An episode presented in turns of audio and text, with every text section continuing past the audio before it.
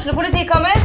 Ine Jansen er purk. Er du purk? The motherfucking bitch. Alt jeg vil, er å finne ut hva som skjedde med mannen min. Jon Carew. Er jeg sikta for noe? Iben Akeli. Det er du. Ole So, Lars Berrum og Big Daddy Karsten. Hvem sin side er du på, egentlig? Anette Hoff, Tone Danielsen, Kommer du fra Afrika? Jørnis Josef, Nesten. Kløfta. Trond Espen Seim, Det er synd å si det, men det var feil mann som døde. Purk. Premiere tirsdag på TV2 Play.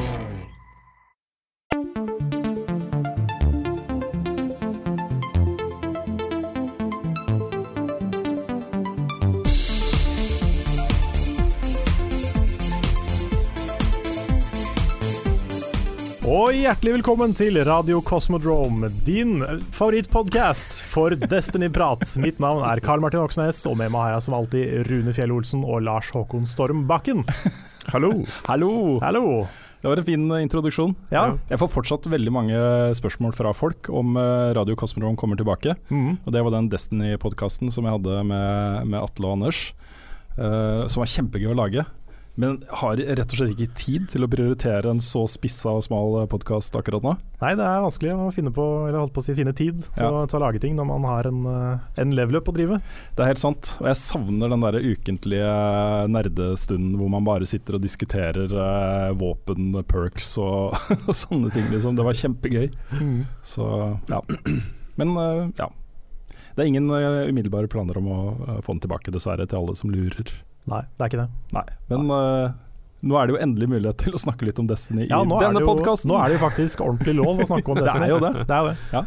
Så eh, det kan eh, dere som er litt sånn anti-Destiny, dere får kanskje en litt vond podkast i dag, men, eh, men vi, skal, vi skal kose oss med litt Destiny-prat. Det, det må vi tillate oss akkurat denne uka her. Ja, jeg syns det. Ja, Syns fordi, det. for på tirsdag så kommer den fjerde delscenen til Destiny. Rise of Iron heter den. Um, det var jo en høytidsstund. Den starta jo kjempemorsomt ved at ingen kom inn. Serveren gikk ned. Jeg fikk Mm. liksom akkurat kommet i orbit og skulle gå til Tower, og så krasja spillet. Ja, du var nummer 40 000 i køen, var det det? Nei, Det som skjedde var at uh, spillet krasja. Um, ingen informasjon noe sted om når det kom opp igjen, eller, eller noe sånt. Og så kom det til slutt, da, etter ca. 40 minutter, så kom det en melding på Twitter-kontoen til Bungie om at serverne er nede, vi jobber med saken.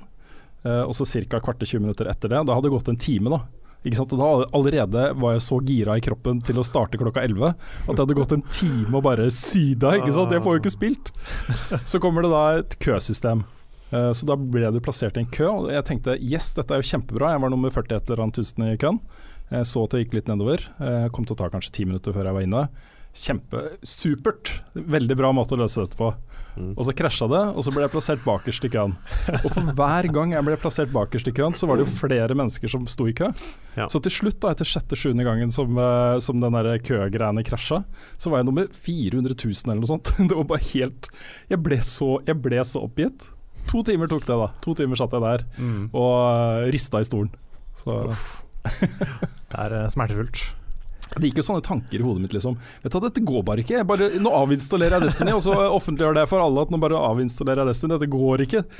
Og så gikk det, og så gikk det jo allikevel, da. Ja, Altså, det var ganske morsomt. For Det var sekunder før du slo opp med Destiny. Ja. Ja. ja. For da jeg sender deg tweet, liksom, så var det bare sånn her, Jeg er så forbanna! Det var sånn her, ja. Det var, um, mm, jeg innså at det var uh, Det var kanskje ikke det mest heldige som skulle skje. De prøvde jo å streame dette her på Twitch. Mm. Og alle de store streamerne som hadde sånn 30 000-40 000 viewers og sånn, de satt jo og så på den køskjermen, da. Ja, det var aller, verste, aller verste var jo når du begynte, begynte å få meldinger, melding fra folk Ja. som hadde kommet inn. Ja. Folk Ja. jeg kjenner, liksom. Som satt og spilte Destiny hvis jeg satt der og var nummer 400 000 ikke sant. ja. Den positive nyheten i det er jo at det er jo faktisk minst 400 000 mennesker som fortsatt eh, spiller Destiny.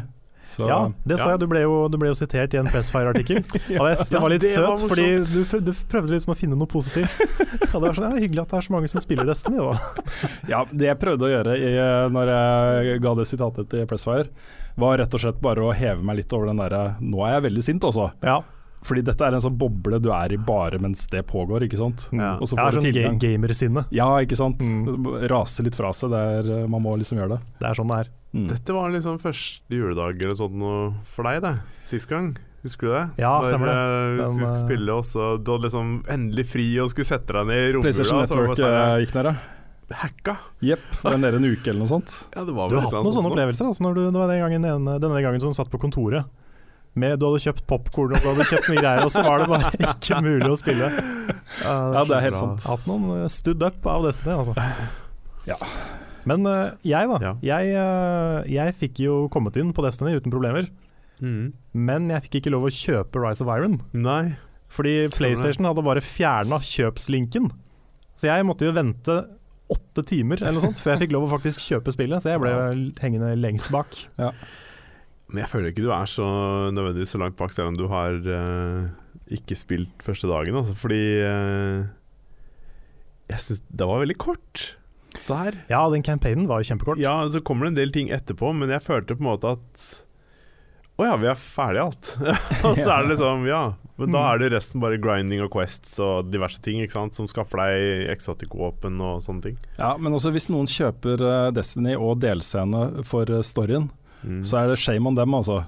Det er ikke det, er ikke det som er kjøttet i Destiny. Nei, Meningen der er bare å gi deg liksom en, en eh, tre-fire-fem timer lang sånn derre synke ned i noe nytt Mm. uh, innhold, som er litt skripta og som eh, har liksom gi, Mm. prøver å gi litt mening til det som skjer i spillet. Mm. Men så har du jo raidet som kommer på fredag.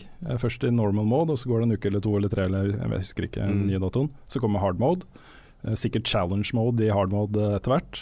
Eh, Og så har du Trials of Osiris. eh, Iron Band kommer tilbake.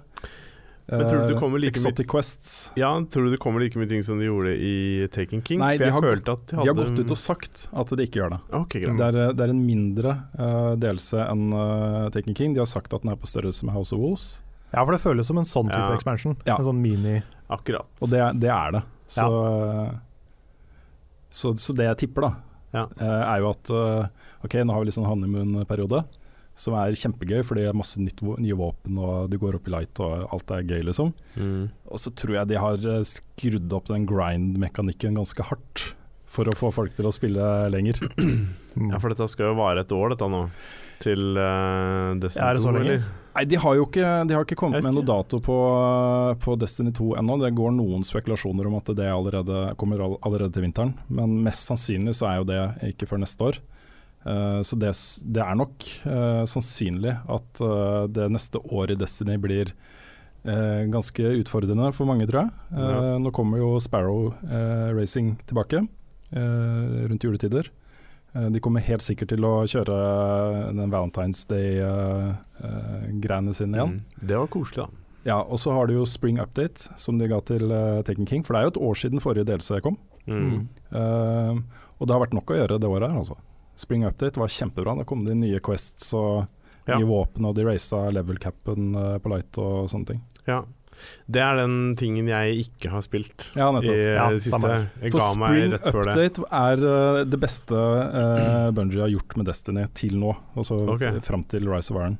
Jaha, Eh, det var en veldig fin- beste, liksom. Veldig fin måte å oppdatere innholdet på, som, som gjorde det liksom relevant å spille, og som ga deg nok okay. nytt, og som justerte våpenbalanser og masse sånne ting. da Ja, Så det var en veldig fin oppdatering. kult. Kan vi prate litt om historie?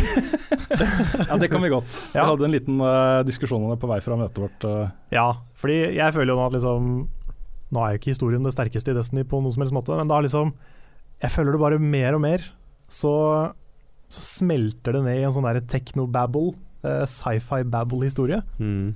Nå er det zombie guns, Mm. og det er liksom Vi må ha en, en ny bad guy som er kul, sånn som Oryx, og så bare Ja, vi, vi tar han ballen som du slåss mot i det første strike i spillet. Han kommer tilbake. Han Kula som du skyter på. Ja. Og det er en del sånne ting da, som var sånn herre Ja, OK. ja, det er ikke Det er ikke det mest kreative jeg har sett. Eh, og det, det- mangler liksom humor og sånne ting også. Hadde det vært det, så hadde det vært litt mer De oppgraderer Ja. ikke bare maskinene, de oppgraderer seg selv, Lars. Ok, nå må dere gi dere litt her, altså. Nei, for det første så er jeg litt enig. Altså, historien i Destiny, eh, som den presenteres i spillet, mm. er ikke så dypt, liksom. Det er, det er ganske grunne greier. Mm. Eh, også satt opp mot andre science fiction-ting. Eh, Mm. Setter du det opp mot Mass Effect f.eks., så er det jo to vidt forskjellige ting. Eh, men den, er, altså den historien du ser er et eh, litt sånn vagt rammeverk. Filosofien her er at de vil ikke gjøre for mye som tar deg bort fra actionopplevelsen og skytinga og sånne ting, men det vil gi nok til at det er en viss kontekst. Mm. Men Hvis du f.eks. tar den ARG-tingen som de hadde i dagene før lansering, hvor eh, Destiny-spillerne plutselig ble infekta av et eller annet, og så begynte det å komme logger fra de gamle um, Lords of Iron uh, som snakka med hverandre om liksom skapelsen av Siva og den nye teknologien som er i Rise of Iron. Uh, som ble gradvis mer og mer uh, utvikla og sånne ting. Så ligger det masse historie der som er kjempekul. da, uh, mm. Som også kommer igjen i Grimmar-kortene som slippes nå med Rise of Iron. Som mm. låser opp etter hvert som du finner Ghosts og gjør historieoppdraget og sånne ting. Det er masse law der som er kjempekul. Mm. Så hvis du hadde tatt alt det og pakka det inn i en liksom ordentlig historie i spillet, så hadde det vært bra. ja, ja, det hadde nok. Det er, det er, det som er problemet, at ikke de putter det inn i spillet. Mm. Ja, men da hadde, det blitt et annet spill. Jeg, ja, Men i hvert fall putte informasjonen i spillet. da ja. At ikke du må logge på en webside for å liksom mm. lese law. Mm. Ja, det kan hende det hadde blitt veldig tungt for Destiny eh, med, med veldig tung story mm. i selve spillet. Ja, jeg vet ikke, det, det, passer det kanskje litt bedre. Det er vanskelig å si når vi ikke har sett det, mm. men uh, det kan nok være at de har tenkt litt gjennom det òg, at de har gjort det på den måten. Da. Det hadde vært kult hvis de tok Blizzard-varianten på det og lagde sånne kortfilmer uh, ved siden av, CGI-kortfilmer. Å, fy fader, ja, det altså. Stilig. Uh, ja, dere har sett de til uh, Overwatch? Jeg har sett noen av dem. Altså, det, er, det er noe av det mest fantastiske jeg har sett noen gjøre mm. til et spill. Å lage liksom en story. For det siste de hadde nå, var om Bastion. Den her um, roboten som kan liksom gjøres om til en sånn turret, stille sånn turret og bli tanks når han kjører ulti. Han var liksom den mest hata karakteren i starten, og så får du den fine filmen hvor du bare ser liksom storyen hans, hvor du ser han har, han har kjempa med mange andre Bastions, hvor han liksom er den eneste gjenlevende Bastion. Du får bare sånn herre i et steg i den filmen her så sa jeg bare Hvis det her skjer nå, så begynner jeg å grine. Det skjedde ikke, så jeg begynte ikke å grine, men det var close, altså. Og det er folk som har begynt å grine av den videoen for å si at den er så rørende vakker, liksom. Og den er jo det. Mm. Det er liksom Pixar-kvalitet, i hvert fall, på det de lager der. De er mestere på CGI-film, ja, og på dramaturgi altså. og sånne ting. Og det er eh, det lager, det lager, en kontekst til spillet på en helt annen måte enn det noe jeg har sett før. Mm. Så veldig kult. Men ja, Destiny. ja, jeg, jeg syns kanskje enten så burde de gjort det, eller så burde de tatt den der, litt sånn 80-talls sci-fi, over the top-greia enda lenger. Ja. Litt sånn Kung Fury. Mm. Sånn derre Guardian, we have to hack back in time. Ja. Stop the traveler from blah, blah, blah. Ikke sant? Men det er liksom Jeg, jeg digger settinga til Rise of Iron. Mm. Med det her infected greiene sånn. Det er dritkult. Og de har det her um, um, De her karakterene som er litt sånn ninjaaktig. Mm.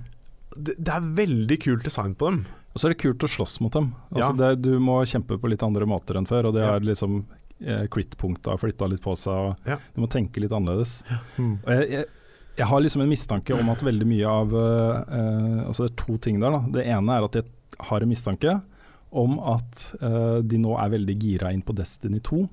At de jobber mye med uh, historiefortelling og sånt i Destiny 2. At de ser på at dette er litt som en slags betatest av hva som er mulig i dette universet. Mm. Um, at de tar fram de store kanonene til Destiny 2. Så jeg tror det er litt tilfellet. Men jeg tror også uh, Jeg leste et intervju med Ken Levine uh, her om dagen, som var i Rolling Stone Magazine, uh, hvor han snakka om utviklingen av Bioshock.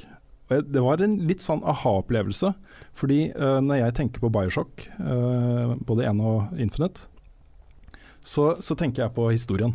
Altså hvor sterk den er, og hvor hardt den treffer meg. Uh, men når han snakker om det, så er det jo helt opplagt at det er settingen som kom først. Altså, de ville lage et spill under vann fordi det var en, uh, en lett setting å lage uh, bra. For den var ikke uendelig draw distance, og du kunne ikke se ting langt i mm. altså det, det, var mye mm. lettere å lage et, et troverdig univers da, under vann, en, eller på en romstasjon som System Shock 2 f.eks. Så det kom først, og så begynte jeg å tenke liksom historie. og Da snakker han om at han akkurat hadde lest uh, Ayn Rand, og fant at kanskje det er et eller annet som vi kan legge til med det. Og så hadde han vært på Rockefeller Center i New York, og Art Deco, liksom! Ja. så det er sånn det spillet ble skapt, da. Mm, og, og, jeg tenker ikke altså, Det er ikke sånn jeg opplever det. Det er på en måte settingen som kommer først, og den type ting. Da. Ting som har med teknologi og art direction og sånne ting å gjøre. Og så putter de på de andre tingene. Mm. Og det jeg tenker med uh, Rise of Iron, er at kanskje Siva-fienden har kommet først. At de har tenkt ok, de må ha nye måter å kjempe på, for det er det som er bread and butter i dette spillet her. Uh, Siva det er kult, liksom, de kan flytte litt på seg. Kanskje det er et eller annet med uh, Rasputin og AI og et eller annet som har og, Mm. og De begynte å tenke sånn, da. Og så har de Mm. pakka liksom, en spillopplevelse og en historie og sånt rundt det, Mm. tror jeg. Veldig kult at de har et nytt uh, område Eller at de har et kjent område som de har gjort nytt. Ja. At du, du kan på en måte besøke det på to tidspunkt. Det syns jeg er dritkult med Cosmodrome med snø på. Mm. Ja, Plaguelands, som er det nye området i Mm. Cosmodrome, er jo latterlig kult. Mm. Veldig stilig område. Mm. Uh, elsker å være der og elsker å se etter ting der og eh, utforske og Men det er én ting der som jeg syns er litt rart. Uh, og det er det at de har liksom Ok, nå har vi laga et nytt sånn snøområde. Kult, Mm. dette er nytt, ikke sant? Nytt i Mm. Destiny. Hvor skal vi sette det? Old Russia. Ja. Det er liksom igjen. Kan vi ikke dra til et Jo. annet land, i hvert fall? Liksom. Ja. Det tenker jeg da. Ja, men da måtte de jo skapt et helt nytt område. De hadde jo skapt, skapt eh, Cosmodrome og Old Russia allerede fra før av, ikke sant. Så da Ja, men er det, de er det gjenbruk av liksom hele mappet? Ja, det er gjenbruk av For du kan, du kan eh, Den delen du i hovedsak er på, er jo ny. mm. Men du kan jo gå tilbake og lirke deg tilbake til gamle uten Det er ikke noen glitch eller noe, men du kan gå tilbake til det gamle Cosmodrome-mappet, og der er det full snø og liksom Og der Ja, kan okay. du finne den her eh, Husker du det første geværet du fikk? Kostov. Ja, Kostov. Ja, stemmer. Det kan du nemlig gå til et spesielt område der inne og bruke et sånn der splicer key og noe greier, og så kan du få, uh, få en quest som gjør at du kan få det i Exotic. Ja, stemmer det. Ja. Mm. Og det syns jeg er veldig kult, at du må liksom tilbake og kjempe i gamle, kjente områder for å få det til. da Mm. Ja, altså Kjernepublikummet til Destiny nå er jo ikke nye spillere. Det er jo Nei. folk som har holdt ut med Destiny i to år. Ja. Ja, sant. Men, Som- men hadde det ikke vært kult om liksom, istedenfor at det var Old Russia igjen, så var det en isplanet, f.eks.? Ja, da. Jo, jeg er helt enig. Det det aller vært, kuleste med eh, Destiny gøy. hadde vært å få bare, bare nye ting. Ja. Mm. Men Det er Destiny 2. Det er Ja. liksom, så, sånn eh, er det bare, tror jeg. Ja, fordi det jeg, det jeg tenkte i starten, når vi så den her De kommer opp på den herre um, Fellwinters Peak, Ja, hva heter den der heisen? ja, Gondola. Kan- Gondol, ja. Ja. Jeg, jeg fikk veldig sånn uh, har du sett Gondola er jo en eh, robåt. Ja, det er det kanskje. Gondol. Gondol. Ja. Uansett, Ja. sånn det cable cart. Um, Kabelbil. eller vogn. Ja. Ja. Mm. Uansett, det minte meg om uh, Jeg fikk uh, I starten tenkte jeg bare Tyskland med en gang. Fordi jeg tenkte det første jeg tenkte på, var 'Ørneredet'. Mm. Gammel film med Clint Eastwood, for noen som har sett det. Krigsfilm. Kongefilm. Ja, veldig bra. Um, uansett så tenkte jeg, så tenkte jeg bare kanskje de liksom flytter de seg til Tyskland, tenkte jeg i starten når vi spilte greiene der, men så var det sånn Nei, det er det ikke. Det er, Eh, det er fortsatt Cosmodrome, men det var uh, jeg, jeg digga åpningssekvensen. Med det her med, med Mm. snø og, og storm, og du skulle kjøre den tingen. Kall det hva du vil. Um, Kabelkarten. Ja, kabelkarten. kabelkarten. Ja. Det var i hvert fall en veldig kul setting, og jeg likte den åpninga. Måtte skyte på ut av, uh, ut av vogna i det hele tatt. Mm. Så Mm. Ja, også uh, Fellwinters Peak, eh, som gjør det nye social eh, area, Mm. som det ender opp på i, i det første historieoppdraget, mm. er jo kjempekult. Ja. Og det Ja, er, det er er veldig stilig. Det går ulver der, og det er uh, utrolig lekkert, altså. Ulvene er tøffe. Og så er det en veldig kul greie der, fordi eh, en av de tingene du skal gjøre, og det ender helt sikkert opp i en, eh, en eh, Questline for å skaffe et nytt våpen, nytt exotic våpen, sånn som det var med Touch of Malice i Taken King. Uh, det er noen Siva clusters som ligger rundt Mm. omkring, og det får du Grimmar-kort og poeng for. Mm. Uh, kan sammenlignes med Book of Sorrows, som jo var uh, Calcified Fragments i Taken King Mm. som er en, en sammenhengende historie, Siva-historie. Eh, og de er jo godt gjemt. Eh, hvis du ikke bruker guider og sånn, så må du bruke ganske lang tid på å finne alle sammen. Mm. Eh, men det er en av de som er på toppen av det fjellet. Og det er så morsomt, fordi det er, det er jo en path da, opp til toppen, men du må hoppe, og det er ikke klart hvor den går og sånne ting, og det er ganske vanskelig. Og det å gå, drive og hoppe seg opp dit, og så se alle folkene, så seiler det fra over deg. For hvis du mister footingene, så Ja. må du starte på nytt, og du dør og sånne ting, liksom. Det var kjempegøy. Ordentlig morsomt. Ja, Folk holdt på en time eller to liksom for å komme seg opp. ja, Å kalle det vanskelig synes jeg er en underdrivelse. Fordi at når vi gjør av å hoppe opp der for å, for å få dette her til, for å først finne den første medaljongen, så er det jo sånn at når du hopper, så veggen dytter deg ut igjen. Så hvis du treffer veggen litt feil, så banser du ikke bare ned, du blir bansa tilbake. Og det er Mm. sånn du detter helt ned og må starte forfra, liksom. Og det er bare sånn her, det var bare så rage moment når vi drev og hoppa Ja, så ikke stå inntil, inntil veggen når du skal hoppe, da. Gå et skritt tilbake, og så hopper du. Det hjelper ikke det. Fortsatt så får du den der Nei, det, det, det, det er sånn det kommer det opp. Ja, plutselig at noen av disse er det sånn der liten ledge du skal stå på. Hva skal du gjøre, liksom? Det er bare sånn der, ja. Ikke ta piler forut. Uansett, det var, det, det, var, det var morsomt, ja. Men når 20 stykker skal gjøre dette her samtidig, fy fader, altså. Da var det Ja, for det er det som er morsomt. De konkurrerer. Ja. Det er jo eh, Jeg husker ikke, det er rundt 20 personer som kan være i den instansen eh, samtidig. Ja, det er noe sånt. Hvis halvparten av de prøver å komme seg til toppen, Ja. så står de i kø for å hoppe opp, liksom. Mm.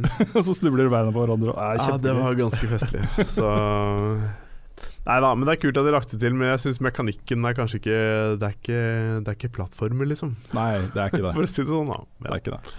Er det fortsatt mange som etterlyser helmetless i Destiny? Eller er det bare meg? Altså at du kan spille uten hjelm? Uh, du mener i vanlig når du ikke er i social space? Ja, i raids og missions og sånn. Ja. Nei, det Kan du du, er, du er den første jeg har hørt som Ja. eh, spør om det. For det, det er sånn alle MMO-er syns jeg det er en kul feature. Liksom. At, uh, Her er jo eh, egenskapene Ja. til spilleren din knytta til hjelmen. Ikke sant? Den har perks, ja, ja, men at den er light, usynlig, da. og at den er usynlig. Det er en knapp for å skjule hjelmen. Det, Mm. det har alle MMO-er. Ja. Men uh, Ja, det kunne det jo for så vidt vært, da. Det er det, er jo det i eh, social space, men det, det, det that's it. Mm. ja. ja, for jeg tenker sånn den der CG-traileren som kom Ja. til Rise of Iron. Så, så kule de Guardians er uten hjelm. Ja, Ja, men ser, så så kan du se på hvor kule de Guardiansene faktisk er. Da, de som folk har lagd, og som kanskje de lagde for to år siden og ikke Ja. tenkte så mye over det. Noen av de er kule. Nei, Det er veldig mye stygge Ja. modeller. Jeg syns egentlig det eneste kule character-modellen i Destiny er, uh, er de robotene. De andre syns jeg blir litt sånn ja. Nei, jeg liker dem. Jeg okay. liker, jeg liker Awoken og jeg liker ja jeg liker Evoken. Um, ja. Nei da, men det De har kanskje ikke brukt mest tid på det. Muligens. Men det, det håper jeg kommer i men, Destiny eh, 2. At du ja. faktisk kan liksom se figuren din og se andres figurer mens du er ute og holder på. Ja, og så kanskje en class eller to ekstra. Ja, for eksempel. Uh, Og det er noe med liksom den personaliseringa mer, eh, av opplevelsen, som Mm. jeg syns har en del å si. Det hadde vært veldig gøy hvis det hadde vært sånn at du, det hadde kommet f.eks. fem classer, og så kan du bare lage tre karakterer. Oh. Fordi da kan du ikke være alle classene, ikke sant? Nei, de kan jo ikke gjøre jo, det. Da det de syns jeg de skal gjøre! da må jo sånne som meg ha to kontoer og å spille Destiny med. ja. ja. Men jeg tenker at det, det, det tvinger To deg til å ta det Sitter To familier. Du dual-builder PlayStation 4-kontroller og bare oh shit, double raid. Åh, Ja. Nei, vi, vi, kan, vi trenger ikke å snakke så mye mer om eh, Destiny, kanskje. Men uh, jeg um, kan jo runde av med å si litt hva jeg syns om det. Ja. Eh, jeg liker det veldig godt, uh, og det er jo mye fordi alt er nytt. Uh, og det er mange av de våpnene jeg har fått som jeg elsker å bruke. Jeg er veldig glad i Supremacy, eh, som er den nye game-moden i PVP. Um, som handler om uh, å ta orbs istedenfor uh, å kills. da Altså Mm. Når du dreper noen, så slipper du en orb, og du må ta den for å få poenget. Ja. Basically kill confirmed. Basically kill con confirmed. Det er kjempegøy. Uh, når man får det til som et lag, så er det kjempemorsomt. Mm. Så, så det er jeg veldig glad i. Og så uh, går jeg og gleder meg til raidet. Uh, jeg skal ikke anmelde Rise of Iron før jeg har spilt raidet. Nei. Um, og så kommer jo Trials of Osiris tilbake, eh, og Iron Banner, som er sånne ting jeg Som er grunnen til at jeg har fortsatt å spille Destiny, PVP-biten. Så um, jeg liker det. Mm. Enig. Kan jeg si én ting, bare? Ja, det er greit. For noe av det, jeg- det, noe av det jeg elsker, men samtidig er litt sånn Ikke hater, men litt skuffa på, er at eh, du kan beholde det gamle gearet ditt og la, få light opp på det. Eh, det syns jeg er dritkult. Samtidig så tenker jeg at men da får jeg jo ikke noe nytt. Hvordan skal jeg Nei, klare å knytte meg til noen nye mener. ting, ikke sant? Mm. Det er, det, så det er litt sånn Ja, jeg elsker det, men litt også sånn Fader. Det var mye Når de tvang meg til å måtte bytte nye våpen som sist gang, så var det bra, altså. Ja, men måten de har gjort det på nå, er å faktisk lage våpen som, eh, som har unike perks og egenskaper og stats. Ja. Eh, som i, i praksis gjør de i mange tilfeller bedre enn en gamle våpen. Ja. Ikke i alle tilfeller, og du vil fortsatt kunne bruke gamle våpen hvis du foretrekker det. Men f.eks. Uh, så har jo sniper-metaen forandra seg ganske mye uh, etter den siste våpentyninga som kom for et par uker siden. Ja. Uh, hvor uh, de gamle kongesniperne ikke lenger er like gode. Det gjelder Eldar og Thousand Air Stare og Mm. uh, Longbow Synthesis, først og fremst, Mm. eh, som er blitt mye dårligere. Eh, så har det kommet en ny sniper som du kan kjøpe hos Crucible, som heter Event Horizon, som har massiv impact, eh, men litt dårligere på andre ting, men det er den, nå en av to snipere, tror jeg, i spillet som kan uh, oneshotte alle i, som er i super i PVP. Ah. Så da kommer mange til å bytte til den, ikke sant. Fordi det er en god egenskap eh, å, å ha i en sniper. Ja, jeg trodde det var noe av det de skulle nerfe. De har nerfa det, men nå er det er to modeller som gjenstår. Og Det er den, og så er det, okay. er det Black Spindle. Wow. Hm. Ja. Så ja, det er det er mulig at jeg ikke har fått med meg noe her, men det, jeg tror det er sånn det Ja. Sounds Så, reasonable. Jeg digger at de har én-til-én-infusion nå. Mm. Det var det ikke det siste jeg spilte. ja, det kommer jo spring update. Ja, okay, ja. For det, Ja, det var veldig bra at de gjorde det, altså. Da slipper du liksom å ofre et bra våpen for å gjøre et annet våpen litt bedre. Ja, Ja, altså. Det jeg kan gjøre nå, er at jeg kan slette alle de jeg har på sånn Uh, Nå har jeg samla 331, 332, for det gjorde jeg jo før fordi at uh, du, måtte, du måtte stadig vekk gå litt, litt høyere for å komme deg til topps. Mm. Men nå kan du bare ta vare på den beste, og så er det Ja, that's Mm. it. Mm. Det liker jeg. Yes, Nei, men jeg har fått fri eh, fra familien i helgen. Eh, moren min kommer og henter en av ungene, så ikke det blir fullt så tungt for kona. Ja. Eh, men planen min er da hele fredag kveld, hele lørdag. Raid. Nice. Nice. Ja, Raid er noe å se fram til, faktisk. Mm. Så Jeg vet ikke om det har kommet noen spørsmål om det. Uh, sikkert. Ja, fordi det, det jeg har fått veldig mange spørsmål om ellers Ja. fra folk, er hvordan man kommer seg opp i light nå. Skulle du tatt bare en kjapp gjennomgang, sånn noen tips? Ja, jeg kan ta Ja. topp tre tips. Topp tre tips. Ja. uh, den første er at når det kommer til uh, 350 light, så stopper det opp. Og Grunnen til at det gjør det, er at eh, eh, alt Vendegear eh, du kan kjøpe i spillet, er 350. Mm. Eh, og eh, det man har sett tidligere, er at folk har eh, sittet med hvelvet fullt av eh, engrams, exotic engrams og legendary og, og rare, og så har det blitt maks light level bare ved å decrypte det. Fra liksom De har ikke begynt å spille det engang. Eh, så de la inn en sperre der som var ganske betraktelig, og som sørga for at veldig mange av de som har horda engrams, stoppa der. Ikke sant? Uh, for å komme deg forbi den, så må du enten bare okay, akseptere at du går opp en, en tiendedels light uh, for hver nye ting du får, eh, og holde på med det en stund. For når alle, alle items, uh, alle våpen, alle slots er 351, så går det vanlig igjen. Eh, går det vanlig opp. Og så er akkurat på 350 at Akkurat på du 350. Riktig. Ja. Eh, men et tips som jeg, som jeg så på Reddit Mm. i går, var at hvis du uh, med vilje holder deg på 349, uh, at du går ned i light, da, selv om du kan gå høyere, så eh, vil du komme deg over den kneika. Riktig. Så det er jeg litt lei meg for at jeg ikke oppdaga selv. Mm. Det var litt synd. Det er good to know. Ja, det er et godt tips. Ja. Mhm. Når du er ferdig med alle sånne storyting og questlines og sånne ting, Mm. så er de tre beste måtene å gå opp i light på, er um, uh, Siva Heroic Strikes. Mm. Um, det er uh, ranking av factions. Um, og det er uh, Forge, som er den nye moden. Ja, er det det samme som eh, Er det det som er det samme basically samme som Court Oryx? Ja, det er samme modellen, hvor du Ja. går inn og aktiverer den med en Ja. ting, og så kommer det masse fiender, og så får Mm. du rewards på slutten. Ja, det er kult. Det er vel det de har sagt at skal være den beste måten? Ja, den er, er ordentlig bugga og litt vanskelig å Ja. forstå akkurat nå. Uh, det er mange som går inn der og ikke får en dritt, men det er fordi de ikke helt forstår den. Jeg fikk en melding fra eh, min Destiny-venn Daniel eh, på vei hit, Mm. For han sa at uh, han har spilt masse og gått masse opp i light. Ja. Så hvis man gjør det riktig, så er det en god måte å gjøre det på. ja, for vi tenkte ikke det over det første gangen, og så satte vi inn en sånn nøkkel, og så var det Å ja, det er 360. Og vi Jeg bare- satte inn en nøkkel, jeg ble låst ute fra opplegget fordi døra lukker seg, ikke sant? og da kobler du ikke inn, så jeg satte i gang for noen andre som var inni der. Ja, shit happens. Og så er ett tips til. Hvis du skal bare grinde light level, Ja. eh, så er sannsynligvis den aller beste og kjappeste måten er å farme Omnigull-striket. Okay. Eh, for der kan du drepe Omnigull eh, helt i starten, første gang du ser henne. Ja. Og så eh, spåner hun litt lenger opp i bakken, Mm. og så til slutt inn i rommet. Mm. Hvis du dreper den der ute, og så dør, så kan du gjøre det om og om igjen. Det er den farme-biten av det. Ja.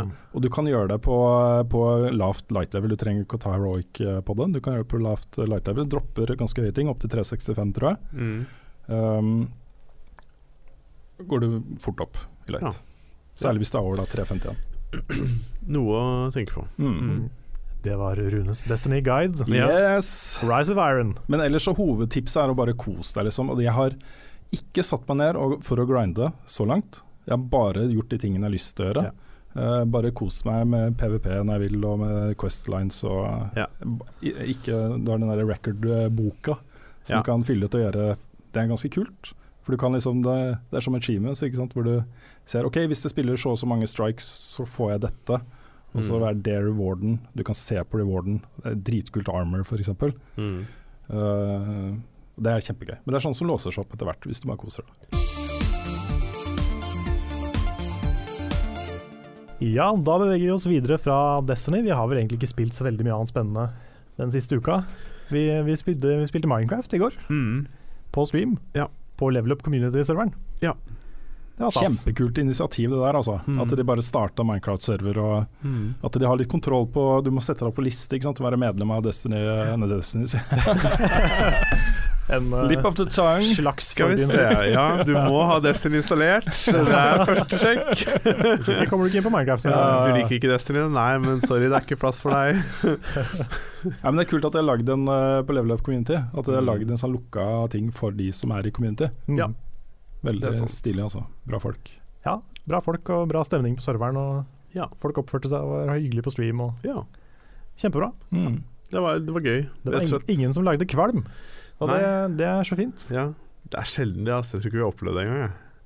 Nei, Det er sånn Nei så hvis, du, hvis du bare går på en server, så er det, det, er det, det er det sjelden du får en Ja. positiv opplevelse med chatten. Ja, men også til sånn chatten i hele tatt på stream og alt, eller ting vi har gjort, det er veldig Ja, liksom sånn, Ja. Ja, nei, det er, Men ja. det er hyggelig. Mm. Yes.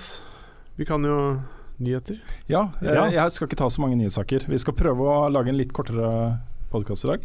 Mhm. Um, mest fordi Lars har lang kjøretur hjem. Litt fordi I have shit to do. Ja. Ja. Ja. Destiny det. Destiny calling. Nei da, men uh, vi har jo snakka om at vi prøver å lage litt kortere podkaster. Så. Ja da. Så i dag er en uh, vi- fin dag å starte det på. Ja, Ypperlig anledning når Destiny er kommet til å Helt tilfeldig. kortere. Ja. Ja, tilfeldig. selvfølgelig.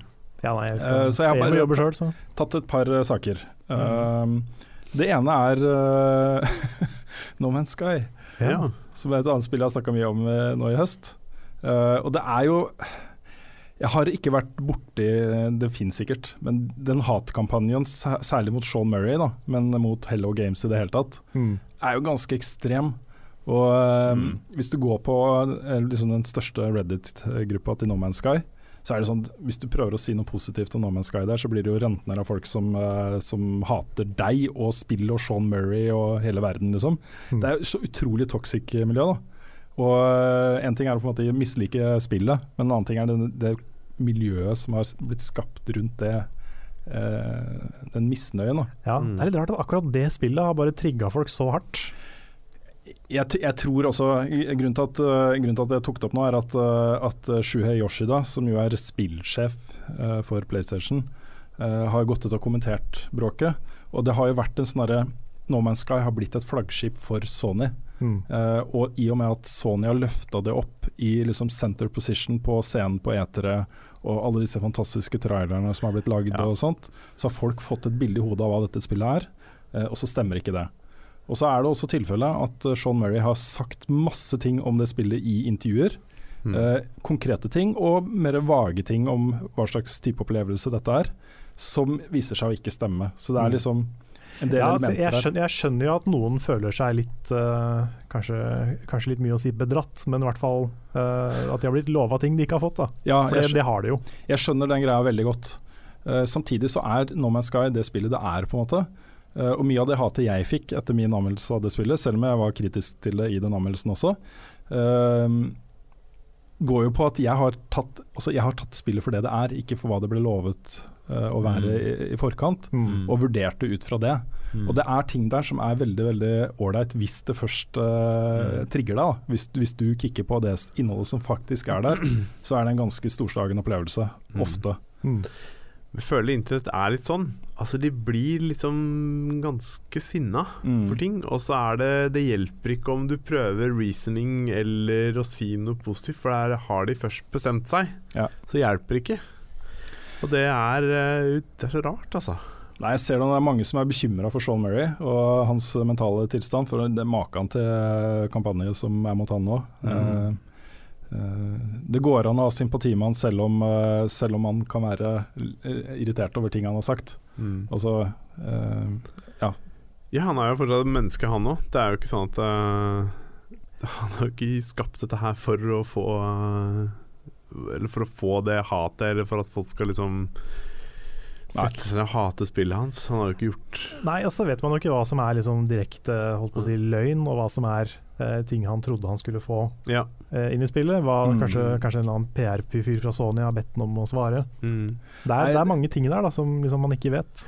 Ja, jeg, jeg tror det har veldig mye med og Jeg tror han er litt sånn uh, uh, type som bare snakker om ting som bobler inni han, på en Ja, måte. som han er en kreativ- Peter Molyneux. Ikke sant, litt Mm. Peter Molyneux, ja. Eh, de har sikkert hatt masse ville planer for det spillet her, og som har måttet begrense seg fordi de slipper opp for tid eller penger, eller det er ikke teknisk mulig å få det til akkurat nå, men kanskje de har lyst til å gjøre det senere. Altså, det er mange sånne ting, da. Mm. Så han har jo bare prata. Han har babla i vei om det spillet han eh, har inni hodet sitt, og så er det ikke alt som har vist seg å bli akkurat sånn. Nei. Så jeg, jeg, jeg mener ikke at han har bevisst løyet for folk, uh, men han har sagt ting som liksom har bare poppa opp i hodet hans Mm. under intervjuer, og da blir det sånn, ikke sant. Da Mm. sier han Ja. eh, ja ja, du skal kunne spille sammen, liksom. Uh, Ja. For eksempel. Er det competitive multiplayer? Ja, hvis du vil.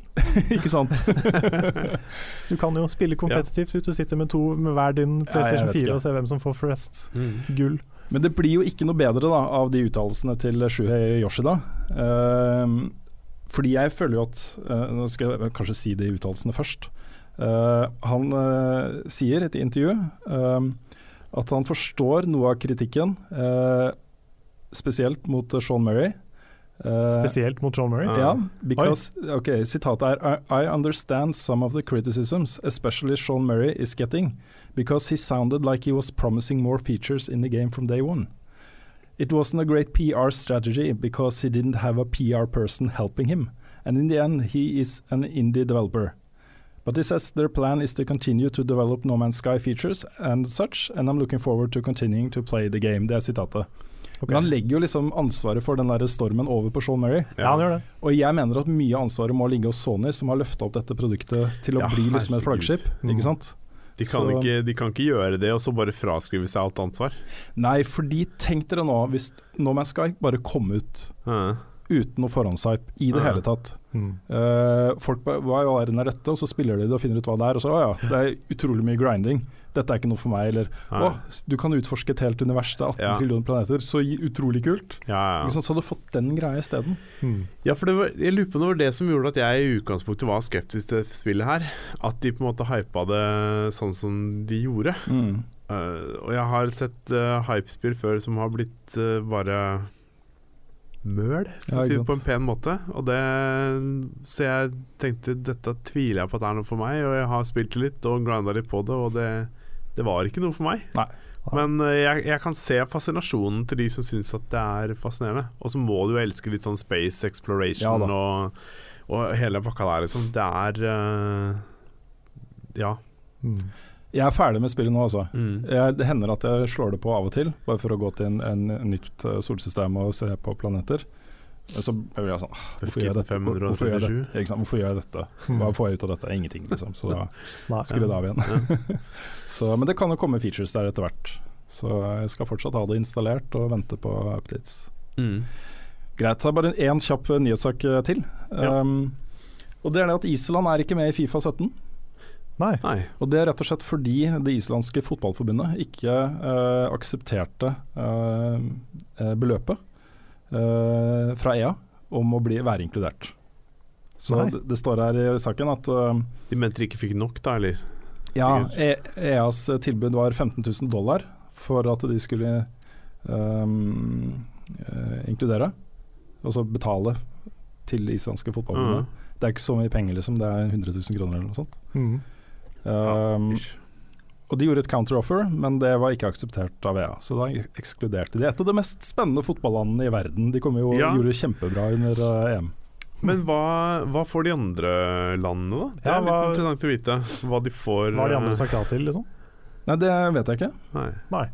Men dette er jo en litt sånn For hvis, de får, hvis det er samme sum, liksom, så tenker jeg at Ja, Det er Island som er der, på en ja men altså da hvis alle får det samme, men jeg antar jo at det kanskje ikke er tilfellet.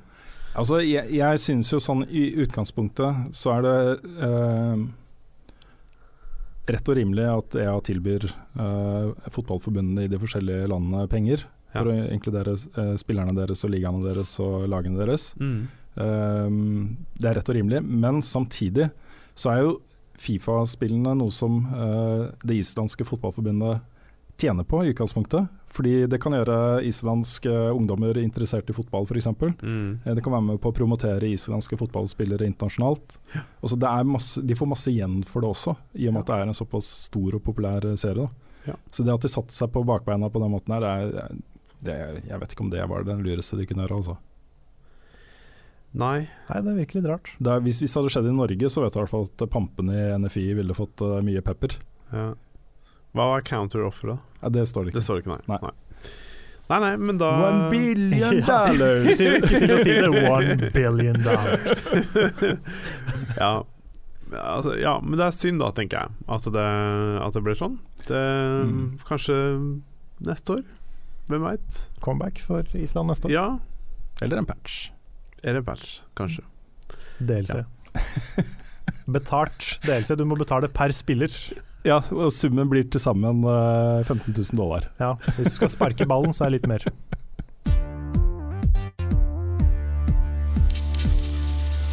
Da er det tid for spørsmål og svar. Skal vi bare kjøre på? Mm. Let's do it. Jeg Let's tar it. et eh, spørsmål fra Iver Rye på Patron. Spørsmålet hans er har dere, har dere noen planer om å starte opp duellen igjen? Savner den spalten. Pluss har dere tenkt på noe mer spillrelatert julemoro, som f.eks. julekalender og lignende. Ja. Vi har snakka litt om eh, duellplanene våre tidligere. Det er jo ikke noe konkret ennå, men eh, vi vet at eh, mange liker duellen. og vi vet også at vi selv liker å lage den. Mm. Så vi kommer til å Det kommer en ny duell. Ja, I en eller annen form. I en eller annen form, det kan vi love. Eh, det blir nok ikke i høst, men kanskje vi begynner produksjonen i høst. Kanskje. Og så får vi se. Da er det jo store spørsmålet liksom, hva slags format det skal. Så hvis noen har gode forslag, så er dette tiden å komme det, komme det på. Definitivt. Ja, for duellen er jo en sånn ting som vi kan forhåndsprodusere litt. Ja. Hvor vi spiller inn alt på kanskje noen dager, og så jobber vi med det utover. Ja, sånn som vi gjorde siste sesongen på VGTV, så produserte vi jo alt i løpet av to dager eh, Mm. i august. Og så Ja, det. gikk det gjennom hele sesongen, Mm. og så kjørte vi liksom straffen Ja, på Jeg klipte klippte vel den, tror jeg, i fire-fem uker etter at vi Ja.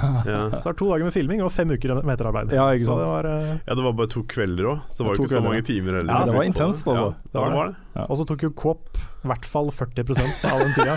Herregud, altså det der oh, Det var en skulle vi ha tenkt på på forhånd. ja, det skulle vi tenkt på. Men det var veldig greit at jeg vant så fort, for da slapp vi liksom å tenke på så mange spill. Ja. Mm. Så det, det redda oss. Ja. Så det burde være takknemlig for det. Altså. En julekalender, det hadde vært morsomt. Ja, jeg har, en, jeg har en pilot Du har det, ja? til en julekalender Kult. som er ferdig skrevet med manus. Den var egentlig tenkt til YouTube-kanalen min, ja den er men helt eh, det er- den, kan, den kan skrives om til uh, Level Up. Da syns jeg vi skal gjøre det.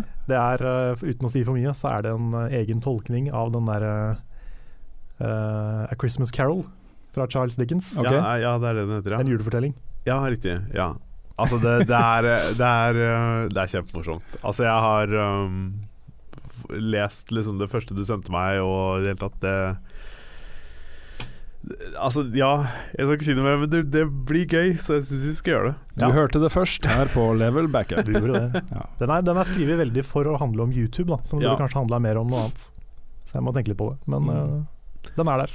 Ja, Jeg men det kan fortsatt funke for det. Vi er jo på YouTube. Ja, vi er på YouTube. Vi er jo det. Vi Jeg tror det fortsatt kan fungere bra. kan være en commentary om YouTube. Mm. Jeg stiller opp med mine eminente skuespillerferdigheter til hva som helst. Det er bra. Det er bra. Det er bra. Ok, jeg har et spørsmål fra Henrik Gjerpseth. Han sier hei, har merket meg at det kommer utrolig mange oppussede versjoner av eldre spill. Det virker nesten som om de store utviklerne har sluppet opp for ideer, og heller visper opp i gamle storhetstider. Tror dere vi er i et skifte hvor indie-utviklerne med deres originalitet og entreprenører om ikke lenge vil kunne konkurrere med de største aktørene?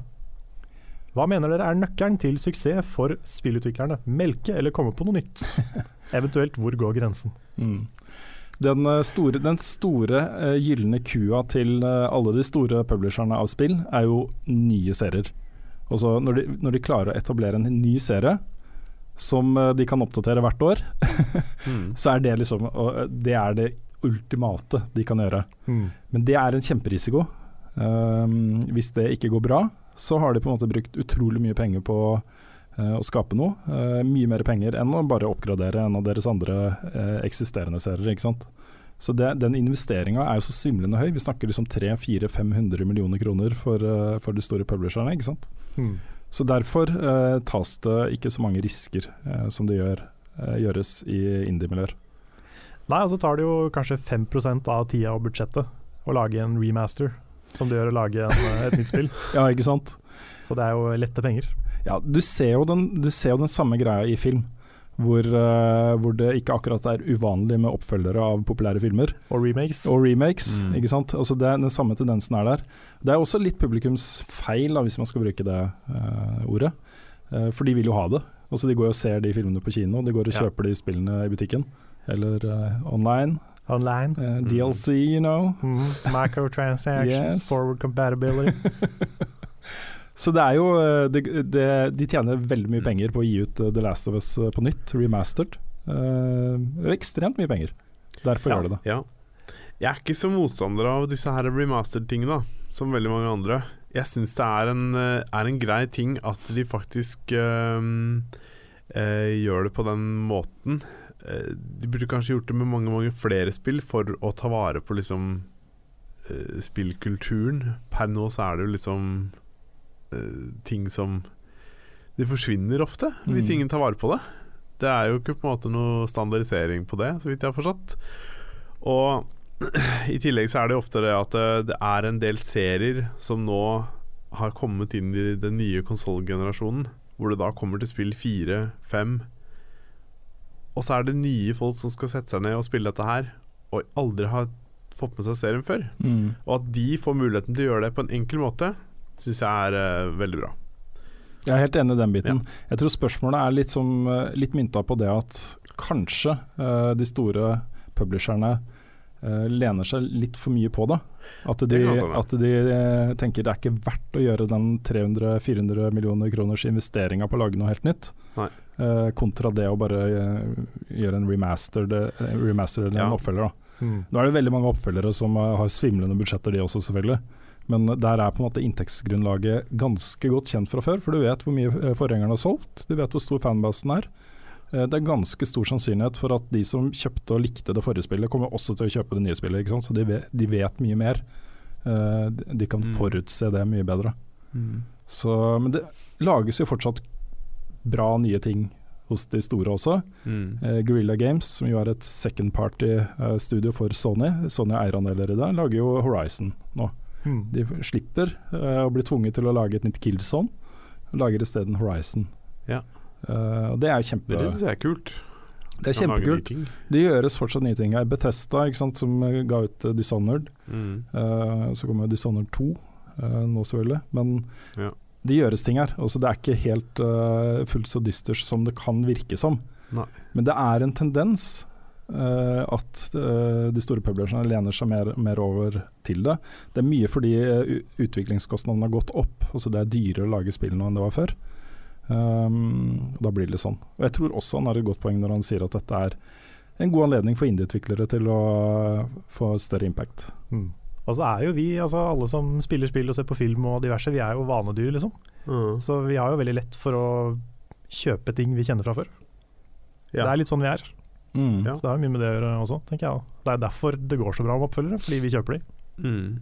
Mm. Ja, det gjelder jo remastered-versjoner også, for det er jo kjempedeilig å vende tilbake til et spill du elska eh, for mange år siden, Mm. og spille det på nytt. Også det å få alle de følelsene fra da du spilte det første gang, kommer tilbake igjen, og du Mm. gjenoppdager det, og kanskje du oppdager nye sider ved det, for du har blitt eldre og utvikla deg som Ja. spiller og person, da, menneske. Ja. Så Ja. Ja, det er jo ting som Altså En spillserie som har gått i eh, fornyelse på en måte hvert eneste år, er jo Call of Duty. Da er jo det det, altså Hvis du skal ta Cold 4, så er det snart sju år, nei, ti år siden liksom hele denne syklusen her starta. Og det har jo Jeg lurer på når de liksom tenkte på at eh, det kan kanskje være lurt å gjøre det nå, for å på en måte få opp salget litt. For jeg har følt at det, der er det ikke så mye nyvinning, eh, rett og slett. Mm. Så det er jo noen, eh, noen spillselskaper som på en måte prøver å Hva skal jeg si gjenvinne gammel moro. Ja, Mm. Ja, det går jo tomt for melk etter hvert, da. Sånn, det eh, gjør det. merker jo liksom folk begynner å bli mer og mer eh, slitne på nye COD-spill. Ja. Eh, også Assassin's Creed, for så vidt, selv om Syndicate var bra. ja. Så er det, det er populært å liksom være litt sånn lei Assassin's Creed nå, Ja. føler jeg. Ja. Eh, jeg kunne fint klart en ny sånn uh, historie à la det vi hadde på Assassin's Creed 2. At det kommer på nytt i, til PS4, det, eller altså de nye konsollene. Det har jeg tenkt å skaffe, i hvert fall. Mm. For det, det var veldig, veldig bra spill. Så Ja, det var Ja. helt klart høydepunktet for min del ja. i hele serien. Mm. Og så ser vi jo allerede at, eh, at eh, spørsmålet hans har gått litt i oppfyllelse, når du ser spill som The Witness, eh, Fire, Firewatch, Mm. og som ble utsatt på Xbox One, bare nevner det, dessverre, i siste liten. Mm. Og da No Man's Sky, også, som er- jo er, uavhengig om du liker det eller ikke, et av de største spillene i, i år, Mm. sånn ut, utgivelsesmessig. Er Ori et indiespill? Ja, Ja, Er det jeg husker ikke om det er Er det ikke Microsoft? Nei, jeg husker ikke om det er Nei, det er bare publisher eh, på det. Ja, kan stemme. Undertale? Mm. Ja, men det er veldig kult at det finnes indie- indie-utviklere som lager spill som har uh, Som har andre historier, Mm. og som er litt små og ikke så storslagne, men som allikevel er uh, det, Hva skal jeg si føles ekte og nært, da, på en måte. Mm. Jeg syns det er helt konge. Det er en um, perfekt uh, kombinasjon til uh, masse Triple A. Ja, det som er ekstra Ja. kult, uh, sånn som i fjor f.eks., hvor du så Life is Strange stå igjen som et Mm. av de store spillene det året, det er jo at de igjen påvirker de store publisherne. Og det, det kommer Ja. nok til å se resultatet av i årene fremover. At eh, ok, de ser dette her er det ting som funker, liksom, som folk vil ha, og som, Mm. som er salgbart. Det er Mm. faktisk mulig å selge konsepter og historier og rollefigurer og ting som er litt utenfor uh, han 33 år gamle uh, halvskjeggete Ja. Bust, bustehåret-fyren, liksom. Og, og det er interessant. Jeg tror, Mm. jeg tror den indie-fremveksten kommer til å skape også bedre blockbuster triple A-spill. Mm. Ja. Ja, og så er det noe med at det er, det er kanskje lettere for et indiespill å, å være skapt av én visjon, og ikke liksom en fokusgruppe som sier at nei, vi skal ha Aiden Pears fra Watchdogs, på en måte. Uh, for det er, det er det som er kult. Ja. Men at det er liksom en, det er en plan og liksom en sånn én persons drøm da, Mm. bak spillet. Det ser vi oftere liksom i indiespill. Mm. Og det, er, eh, det kan slå veldig, veldig riktig. Mm. Jeg tar et uh, Destiny-spørsmål, er det greit? Kjør på. Ja. Det er fra Roland Hasleid på Patrion. han skriver Jeg vet ikke om jeg er for sent ute, men jeg prøver. Jeg har havna på Destiny-kjøret igjen, som visse andre her, men sliter med Crucible. Og Det er da PVP-delen. Eh, jeg blir så sinnssykt anspent og full av nerver at det går utover oppmerksomhet og reaksjonsevne. Sitter, eh, sliter for øvrig ikke med dette i dagliglivet, bare i Crucible i Destiny. Har dere noen tips til å overkomme dette? Etter en match på ti minutter sitter jeg og har nesten vondt i armene om å bare legge fra meg kontroll kontrolleren og roe meg ned. ja. Det høres ikke ut som han kanskje har spilt mye PVP. Nei. Fordi jeg kjenner den følelsen her. Fordi første gang jeg starta PVP for en del år tilbake, så var jeg sånn sjøl. Ja, ja, ja. Blir, det er en helt annen verden du møter, og det å spille mot fysiske folk Mm. eh, Eller ikke fysiske, men altså ja, Faktiske mener. mennesker ja, som sitter og stirrer ikke figurer. sant? Ja. Så er det så, så blir det plutselig mer nervepirrende. Mm. For da må du prestere på en helt annen måte. Du må det. Og folk ser hva de gjør og sånn. Og det Ja, ja, er litt sånn her Nei, jeg vil ikke det. Ja, vet du hva, Lars? Vi, vi er nødt til å ta en sånn, der, sånn multiplayer PVP-session i Dark Souls en gang. Å, Det har jeg lyst til å ha med deg på. Oh, Jesus. Dritgøy. Uh, ja, ja, det kan vi gjøre. Det er greit. I'm down. Vi kan, vi kan utfordre seerne eller noe sånt Ja, ja, ja. på Scream. Ja. Vi kan stelle oss opp på sånn PVP-område, Ja, og så bare få folk inn. Ja, morsomt. det hadde vært gøy. Ja. Kjempegøy. Men jeg har et bra tips til deg, Roland, og andre som eventuelt er i samme båt. Ja. Get good noob. Nei da. Ja. Eh, dette, her, dette her handler jo om å liksom bli litt vant til den formen å spille, som du var inne på, Lars. Uh, og i Destiny, uh, konkrete tips der er jo én, uh, finn noen å spille sammen med. Mm. Sånn at du ikke sitter aleine forknytt og dør hele tiden, liksom. Men Ja. du uh, gjør noe annet også. Du prater om uh, kjerringa og barna og Ja, ikke sant? Ikke sant? Altså, du ja, har en hvis, hvis de har det, da, de vennene. Det ja, ja. Men ja. hunden. Ja. Hva som helst, liksom. ja. Eller daten. Uh, Daten Mm, eller ja. Grandisen som sveiser. ok, vi trenger ikke å nevne alle tingene man kan snakke om. Uh. Været Nei, men også finn noen å spille med. Eh, og det er mange som er i din båt, eh, Roland. Det er mange som ikke har noen å spille med. Jeg vet ikke om du ikke har noen å spille med, også, men det er mange som ikke har noen å spille med i Destiny også. Ja. Uh, men det er mulig å finne det via uh, Looking for Groups eller Destiny Norge-gruppene på Facebook. Ja. Level Up Community har jo en egen Destiny-gruppe. Meld deg inn der. Eh, da søker du opp Level Up, Level Up Community Destiny, det er vel den gruppa Ja. heter, tror jeg. Der er det bare å joine. Bare å Masse joine. hyggelige folk der. Ja, og der er det også en klan, så Mm. det har kommet nytt nå i Rise of Iron, så kan du se alle klanmedlemmene dine som er pålogga i en egen fane Ja, ja. i menyen. Så da kan du gå inn der og så spørre folk, liksom. Altså, ja. Så finn noe å spille med. Uh, første tipset. Andre tipset er uh, RM Banner når det kommer. For der får du rewards uansett om du vinner matchen eller ikke. Uansett hvor god eller dårlig du er, så har du like stor sjanse på gode Mm. rewards. Og da blir det litt mer givende å spille. Uh, så, så det er liksom mine to. Mm. Og så Ja, tredje private matches. Ja, ikke sant? Sett opp dine egne matcher med bare folk du kjenner. Mm. Kos deg. Jeg har også et råd som er litt sånn eh, kanskje mer sånn eh, generelt livsråd. eh, å spise og sånn, så få i deg riktig mat og nok grønnsaker og vann og greier. Nei, men det er det at eh, hvis han er nervøs fordi han sitter og spiller og kanskje er, tenker veldig mye på hva andre synes om det han gjør, at han blir nervøs pga. det, så tenker jeg sånn Finn deg en du kan spille med, som aksepterer altså, nivået ditt og hvor du er, og som bare vil ha deg med liksom, for å ha det gøy. Og så drit i hva andre tenker. Bare kos deg. Finn din egen rytme, finn din greie, og så bare spill masse, sånn at du blir vant til det. mm. Ja. Ja, for å spille mye, da, da blir man bedre. Ja. Og så har man det mer gøy. Og drikke vann. Nei Men bare ikke sant, for eksempel da Så mange, så mange timer jeg har spilt uh, PvP i Destiny Jeg gjør fortsatt utrolig dustete ting Kjører supere rett inn i veggen Eller over hodene på folk Eller uh, Ja. altså, Jeg blir så sur på meg selv ja. Men det er, det er sånn det er å spille PvP ja da, herregud. Man ser uh, proffolk gjøre feil også fra tid til annen, så det er ikke Det er ikke bare bare. Da er det enda bedre hvis du får sånn melding på PlayStation sånn Hi, are you new? Yes. Welcome to the game.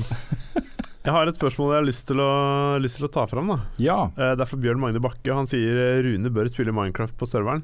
Altså um, Level Community-serveren. Du kommer til å få så mye gra- gaver når du kommer inn der. Ja! Det er null problem. Du bare okay. får Slipper ting. å crafte noen ting. altså jeg, Hvis jeg først får en PC hjemme som jeg kan spille på Så skal jeg vurdere det Ja. Jeg lover ingenting Minecraft har ikke interessert meg nok til at jeg har lyst til å sette meg ned og spille, med, spille det til nå men, eh, men det at det er en egen community server gjør meg mer interessert da Så kan jeg jo Mm. Hva hvis Minecraft kommer med sånn space-univers? Er det interessant da? Nei, det er også, jeg blir så imponert når jeg ser hva folk bygger, og også den uh, kreativiteten som ligger uh, bak der, liksom. Og det samarbeidsånden, alt, alle de tingene. Jeg blir så imponert av det. Men det jeg tenker i hodet mitt er liksom OK, her er det ferdige produktet. Alle de trærne du må hogge ned, og alle de tingene du må crafte, og alt det der du må gjøre da for å få til det, da får jeg litt vondt i hodet. Men det er uh, Ja. Det er jo Du vil ikke skal gjøre jobben? Det er det, det du er, mener? det, det, ja, jeg vet ikke. Det er mer enn det er, Du kan ikke gjøre så mye med bra, som du kan nå. For det er helt riktig, det du Ja. sier der. Altså, Det er- jo Det er, det er grindinga i No Man's Sky, Ja, liksom. ja, det er Og det er så mye gøy som kan skje underveis der. Ja, for det er det, som er, det, det er det som kanskje gjør at jeg ikke er så glad i No Man's Sky. Fordi Minecraft føler jeg gjør alt bedre. Ja. At det er på en måte Ja, det er mye grinding i Minecraft, men det er Neste mye spørsmål! det er mye mer variert, og det er, liksom, det er mer kreativt, for du kan bygge ting med det etterpå. Ikke Ja. Mm. Og ja, jeg, jeg tror du hadde likt det, altså, men, Ja, det, men det krever jo litt at du kommer inn i det. Ja, Og lærer deg det. Det, det er sant. Og så tenker jeg Bare liksom Bare gjør det. Mm. Yes, er det noen som har spørsmål? Ja, jeg har et spørsmål fra Mathias Kolsrud Aase. Mm. Han spør er det noen ting på nettet slash sosiale medier dere irriterer dere grenseløst over. Nei, det kan ikke Hvor skal man begynne? Det, det fins jo det, noen irriterende ting på internett. Uh, jeg er uh, veldig lite glad i, i sånne um, eh, oppbyggende meldinger. eh, sånn tekst over solnedganger og sånt. Å ja, du mener sånn Inspirational ja, quotes. inspirational quotes, ja. Ja. Hvorfor det? Er du klar over hva det kan gjøre for mange mennesker som, som sliter? Ja, men øh, det, det er jo på en måte Det er jo en personlig ting, noe du skal ta inn over deg selv, ikke dytte utover alle vennene dine, på en måte, føler jeg da. Altså hvis, hvis, jeg, eh, hvis jeg legger ut et eller annet om eh, eh, ja, Jeg vet ikke.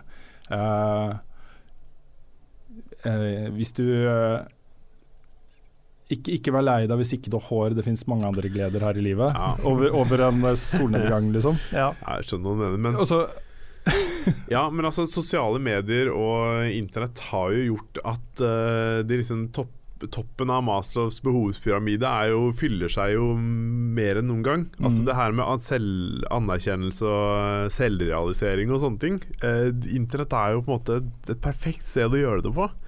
Og folk som har liksom De har trygge hjem, jobber, venner altså, De har liksom ja, ja, altså jeg skjønner godt hva du mener, fordi det er jo Altså, jeg blir mer irritert når folk legger ut liksom bilde av at kiden deres har bæsja første gangen i potta. Det er sånn derre Gratulerer, ja, ja, fint. Kan du være så ikke poste Fineste bæsjen. internett, liksom? Det sånn jeg skjønner at du er happy at kiden din har bæsja på potta, liksom, men jeg trenger ikke det bildet der. Um, det, altså, det er mer sånne ting jeg irriterer meg over, da. Sånn um, Ja, og jeg kom på en annen ting som irriterer meg. da Ja. Det er eh, når folk uh, blir veldig sånn derre ehm, Legger ut egne poster Og man liksom Holy shit, uh, fikk så og så mange likes på Ja. Og så en På forrige video, posten, ja. eh, Forrige post, Ja, eller på en ja. video eh, Et eller annet, liksom. Ja. Eh, takk for at dere støtter meg. Mm, så- sånn hashtag så- humble. Ja, ikke sant. Ja. Sånne ting irriterer meg også veldig. Ja, sånn, altså Når folk liksom retweeter masse skryt om seg sjøl og liksom bare Ja. legger 'Å, se på denne personen sa dette fine om meg'. Ja, og det er så mange altså, Vi kunne jo gjort det. Vi kunne jo, vi kunne jo brukt liksom hele vår Twitter-feed på å Ja. retweete ting som folk skriver til oss. Jeg tror jeg aldri Jeg har kanskje retweeta én sånn melding fordi den hadde en kontekst som jeg syns var relevant for en sånn større greie, liksom. Mm. Jeg nekter jeg, jeg vil jo ikke gjøre det. Kanskje vi burde gjøre det, egentlig? Kanskje vi burde svelge litt? Jeg reacher, for det, det, jeg sitter, det jeg føler vi sitter og gjør her nå, i utgangspunktet, det er at eh, For dette er janteloven i Norge som slår til, ikke sant? Du skal ikke Kan- føle at du er er bedre enn noen og tjo hei. Ja, fordi at, at vi begrenser oss selv med at liksom Vi skal ikke få lov til å fortelle at vi gjør noe bra eller har opplevd noe bra. Jeg syns i utgangspunktet det er en god ting. Jeg skjønner godt at folk kan finne det irriterende. Fordi at det finnes også en fin grense her på hvor du, hvor du skal gå med det. ikke sant? For det er noen som kan kanskje dra det litt langt. Til at det blir liksom bare det hele tiden. Ja, for det, er Sånn som de som poster 40 selfies om dagen på Facebook. Det De, liksom Ja. bare, de, de har kanskje stått opp, og så har de eh, gått på badet og dusja og sminka seg, og så har de lagt seg tilbake i senga og så mm, våkner nettopp. Det er sånn, for da, Ja. da fremstiller du liksom et sånt falskt bilde av livet ditt. Ja, Og det er det mange som absolutt. Vet du hva, Hvis vi fortsetter er nå et kvarter 20 minutter til med dette her, så har vi, har vi alienata alle som hører på. Ja. Da har Ja. vi fornærma samtlige. Ja. ja, nei, men jeg, jeg føler at det skal ikke være forbudt å skryte litt grann innimellom, men det er litt forskjell på hvor ofte du gjør det, og hvordan Mm. du gjør det. For det, det går an å overdrive det i, eh, i litt for stor grad. Og det er jo klart at hvis du hvis du skjønner at det folk gjør med bare handler om å få oppmerksomhet hele tiden, ikke sant? og bare gå for det samme Hvis noen f.eks. er sjuke, og den ene posten de poster liksom ti ganger om dagen er liksom relatert til hvordan de er sjuke, så, så blir folk, folk som ikke er relatert til det man, man blir lei. Mm. Og det er jo det, det er ikke fordi at man ikke nødvendigvis har sympati, for jeg skjønner at det er kjipt å være sjuk osv., men men folk vil, vil helst ikke Friske folk sånn vil helst ikke ha liksom sjukdom og sånne ting rundt seg. Nei, de vil jo Nei, ikke de det. vil jo Det ikke har jo det. Vært er, liksom ja, eh, sant det. Ja. Mm. Det, så det er litt sånn Ja. Det er, Ja. det er kjipt, men det er sånn det er, dessverre. Da. Ja. Livet. Shit happens. Ja. Ja. Men jeg føler i hvert fall i forhold til det med litt selvskryt, det, det er lov innimellom. Vi kan ikke være helt Innimellom er jantelov. kanskje- ja, kanskje vi kan ikke være helt jantelov, for det føler jeg blir liksom Vi bør være forbi der, altså. Mm. Ja. Ja, nei, der, du har et poeng. Ja. Du har det. Det kan hende vi er litt, eh, litt vel eh, kjipe på det Ja. her i Norge. Ja. Men eh, jeg har en annen ting da, som er nesten litt sånn motsatt, Mm. som irriterer meg veldig. Mm. Og det er all den negativiteten som er overalt. Ja, det er sant. Sånn som altså ikke bare Vi burde bare begynt der, og så kunne vi slutta. Ja, og så, og så hadde det altså. Ja. vært liksom Ja. greit. Da hadde det vært et litt mer sympatisk svar. ja, nei, men, eh, men, men sånn som altså Ikke bare i kommentarfelt, liksom. Det er jo, altså, kommentarfelt på aviser og sånn er jo kreft i skriftlig form. Men også podkaster hvor folk sitter og kritiserer hva andre gjør på sosiale Ja, ikke medier. minst. Ja, fy Ikke minst. det altså, Folk som gjør det, burde ikke få lage podkast. Men også de der, altså, sånn som de der eh, Alle de sinna gamerne. Uh, sånn snakker jeg også om på YouTube, for eksempel. Da. Jeg syns Angry Video Game Nerd er morsom, Mm. og Jontron er morsom, og de er, liksom, de er veldig flinke. Mm. Men det er så utrolig mange angry nerds, liksom. Som prøver å lage videoer hvor 'Å, se så sinna jeg er', og så er det veldig sånn falskt sinna. Mm. Ja. Og så handler alt om at 'Å, skal jeg finne dårlige dårlig spill', så skal jeg snakke dritt om den tingen her, for det er dårlig. Men Det det er så er utrolig mye av det. veldig mye lettere for folk, føler jeg, å være engasjert og ta del i ting hvis man er negativ. Ja da. Har du tenkt over det? Ja, men det har jeg merka i mange, mange år. For det er mye vanskeligere å komme inn og være liksom den positive og skal prøve å si noe positivt, for det det er vanskelig å få med seg folk på samme måten, Mm. Mm. syns jeg, da. Og det, det jeg har tenkt over det flere ganger at liksom bare Hvorfor blir jeg en del av sånne mennesker som er sånn? Det er det, Men det er sykt vanskelig å snu det. Veldig vanskelig. Mm. For det blir en vane, liksom. Ja, jeg kjenner i hvert fall sånn for min del, jo, eh, jo eldre jeg blir, egentlig, jo mer setter jeg pris på de positive stemmene. Ja. Mm. De som har noe, liksom, noe hyggelig å komme med. Ja. Så de fleste av liksom, de, de favorittfolka mine på YouTube nå, er liksom de, de virker som de koser seg og har det gøy, og liksom har liksom positive, hyggelige ting da, å komme med om spill og om andre ting. Ja. Mm. Så eh, jeg setter egentlig bare mer og mer pris på det. Men det kan godt hende det har blitt en naturlig ting òg, for det var ikke så lenge siden jeg var borti en, eh, en ungdomsgruppe. Da snakker vi om sånn 16-17-åringer som prata til hverandre på en måte som man liksom bare OK, dere bare hater hverandre, eller? Men, men nei da, de gjorde ikke det. Men det var liksom sånn de liksom prata, prata til hverandre, og skreik til hverandre og kjefta på hverandre. Men de Mm. var liksom De likte hverandre godt, og var venner. Så det var Kanskje det blitt kultur? Jeg vet ikke. Mm. Ja, men, men sånn var det også, husker jeg, for, for noen år siden da jeg gikk på ungdomsskolen og sånn. Ja. Da var det kulturen. Ja. Altså, menn skulle ikke gi hverandre komplimenter. Det var, det var ikke greit. Nei. Du skulle bare liksom gi hverandre shit. Ja. Absolutt hele tida. Det var sånn det var. Så det var ingen som sa noe hyggelig til hverandre. Liksom. Mm. Ever. Nei, det har blitt litt sånn grobunn for, uh, for hatkultur på Mm. nettet nå. Ja. Og Det det gjelder liksom pick an issue, liksom. Det er Mm. eh, Jeg kan banne på at det finnes en hatkultur uh, Helt sikkert. knytta til, til den greia. Ja da. Og det gjelder ikke bare uh, spillting, men det gjelder uh, alle, alle mulige rare andre ting også. Mm. Så Det verste med internett er liksom måten det pusher folk uh, i hver sin retning. mm. At liksom Hvis du ja, har en litt sånn moderat tanke om ting, så kommer folk og liksom bare 'fy faen, nå skal jeg ta deg'. og da blir det jo mye mer Altså Da blir du også mer ekstrem, Ja. som et svar på dem. Ja. Og til slutt så sitter vi med to veldig ekstreme sider. Ja, og så er det ikke noe filter på nettet. Nei. De sosiale filterne forsvinner, så, det, Mm. så det som kommer ut er veldig usensurert ofte. Så Ja, og så er det en litt sånn skummel utvikling uh, i samfunnet generelt. Da. Det er også disse algoritmene til Facebook, mm. som jo er bygd opp sånn at du får mer av de tingene du liker, og mindre av de tingene du ikke liker. Mm. Og så blir man liksom gående i en sånn boble uh, hvor man ikke får inn nye ideer og sånt. Og hvis man da er inne i en boble hvor det er mye uh, aggressivitet mot noe, det er liksom, sant. Så, så blir jo den dyrka, og den får næring, og den får gro, og den får utvikle seg, og det blir liksom en del av deg, på en måte. Mm. Og, og det er litt skummelt, altså. Ja. ja, der tenker jeg liksom generelt at hvis du er en del av en gruppe hvor hele liksom konseptet, den tingen som forener gruppa, er negativt, altså er noe hat eller noe sinne, liksom, så er det nesten aldri sunt. Da er det liksom noe i den gruppa som bare ikke er bra for deg, da, tenker jeg. At ikke liksom ikke foren deg om noe negativt. Ja. For da plutselig så finner man ut at å ja, det, vi hadde ikke så mye til felles likevel, nå hater vi hverandre isteden. Mm. Det blir liksom bare Ja, hat er skummelt å liksom gå sammen om. Mm. Det er massesuggesjon, kan man kalle det. Vi eh, må vel runde av. Jeg ser Lars peker på klokka og Skal Nei, vi må ikke direkte runde av. Vi må bare Tenke på tiden. Tenke på tiden. Tenke vi på har tiden. Destiny Ja. som venter og Det var sant. Det var Det er mange spørsmål her, liksom, som vi har, ja, det er mye- snakket Jeg koste meg sånn da jeg lagde det siste level update, så det er bare avslutta Ja. på liksom. Um, ja. Nei, men Kan ta ett kan- spørsmål til, da. Finne okay. ett et bra spørsmål til. Ja, hadde ikke du et sånt bra spørsmål? Ja, den er på Facebook. Jeg har ikke den oppe her. Ok. Har vi bare, skal vi bare ta ett spørsmål? Jeg kan ta to, da. Um, ja, det, det vi har ett her, da, som er fra Nikolai Bakke Svartdal, og det er hva er deres beste barndomsminner? Ikke spillrelatert. Ja. Det var det Apropos på forberede seg sånne ting, så Ja. har vi da forberedt oss Vi har i litt. hvert fall, jeg, jeg sa det før podkasten, at vi har fått det spørsmålet. Ja. Mhm. Sånn at dere to skulle ha mulighet til å tenke på det. For jeg har gått og tenkt på dette siden jeg så det i går. ikke sant? Ja. ja, ok. Ja. Ja. Vil du begynne, da? Ja, du har ikke tenkt på annet enn det? Jeg har ikke tenkt på Nei. annet enn det. Nei, Wow, mens faktisk. jeg spilte uh, spill og sånn, så bare satt og grubla. Ja. Det er fint. Nei. um, Begynn med ditt, da, for jeg er veldig spent på det. Ja, det er så mange jeg kan ta av. For da Ja. rant det inn, og jeg er blitt så gammel at det å tenke tilbake på barndommen er ganske liksom sånn rosenrødt. da Men hvis jeg skal plukke ett, så tror jeg kanskje det må være da jeg var Jeg husker hvor gammel jeg var, jeg var sikkert rundt sånn tolv eller noe sånt. Eh, så var vi på eh, sommerferie på Hvaler.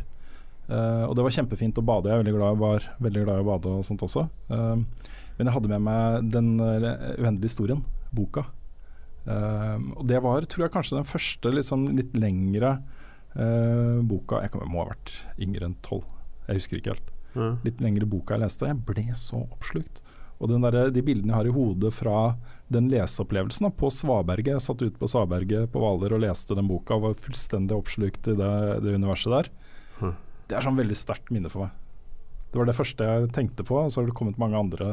eh, som da vi fant pornoblader i et, eh, en rønne. Hvor kult det var første gang. Ja, sant. alle fant, fant pornoblader i en rønne. Ja. det rart. Nei, Vi fant en gang en pose full av pornoblader i skauen ved, ved boligfeltet vårt. ja. Det Det er også sånne- ganske sterke minner. Ja, Ja. Sånne ting har jeg også vært, uh, vært med på. Ja. Nei, men Bøker prega min barndom og ungdomstid, uh, og store deler av voksenlivet også. Og um, Det var liksom de første store leseropplevelsene med Astrid Lindgren og Roald Dahl og Mm. Lengste reisen, Lengste reisen, uendelige historien, Mm. Neverending Story, Uh, har forma meg, liksom. Har vært viktig for meg, har vært, betydd mye for meg. Så det er derfor det ble sånn bokminne som, som ble mitt. da. Ja, jeg for min del så har jeg Jeg vet ikke om jeg har en sånn En, en enkel historie. Det er mer Eller hendelse. Det er mer Hele barndommen. Hele barndommen. Nei, men vi, vi pleide Når jeg var liten, så pleide vi å reise på camping til Borås i Sverige. Og så var vi ofte i, eh, i Liseberg. Og de første minnene mine fra å være i Liseberg, å være i en skikkelig fornøyelsespark, liksom, Tømmerrenna! det var fantastisk. Det var kjempegøy. Og det, jeg, jeg ble helt forelska og skrekkslagen i de tingene der. For det som Jeg var, jeg var ikke redd for um, berg-og-dal-bane først. Men så kjørte jeg de, og så ble jeg dritredd. så jeg turte ikke kjøre loop og sånne ting etter å ha prøvd det en gang. Liksom. Da var det bare sånn Nei, det skal ikke skje igjen. Og så husker jeg en, en spesielt én ting, og da var vi på spøkelseshuset der. For der har de jo ordentlige mennesker som er kledd ut og gjør ting. Um, og den opplevelsen der av at eh, ekte mennesker kommer og jager deg. Du skal gå over en bro, det står en dame der med kappe f- over ansiktet og står inntil broa, og du må liksom Altså lirke deg forbi henne, liksom. Og når du kommer forbi, så er det en sånn, derre- sånn stor S du må ta utafor. Og da når du akkurat er i ferd med å gå ut av rommet, så kommer hun løpende med liksom en kniv mot deg. ikke sant? Og bare Folk skriker og hyler og drar i hverandre. Og Og hun var ikke egentlig en del av opplegget. Hun, eh, nei, det var bare en random person som sto der fra forrige runde. Og så runde. våknet du opp da i en kjeller eh, fastbundet. eh, Ja. Utrolig altså, realistisk.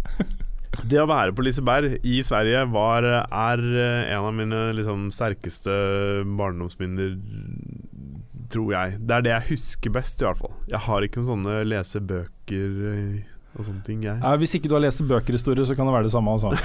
Men kan det komme bare, en Bare, sånn bare det som ja. Ja. Men kan det komme med en sånn liten uh, oppfølging til, uh, til det? Ja. For jeg var jo i uh, Tokyo Disneyland med ungene i sommer. ja.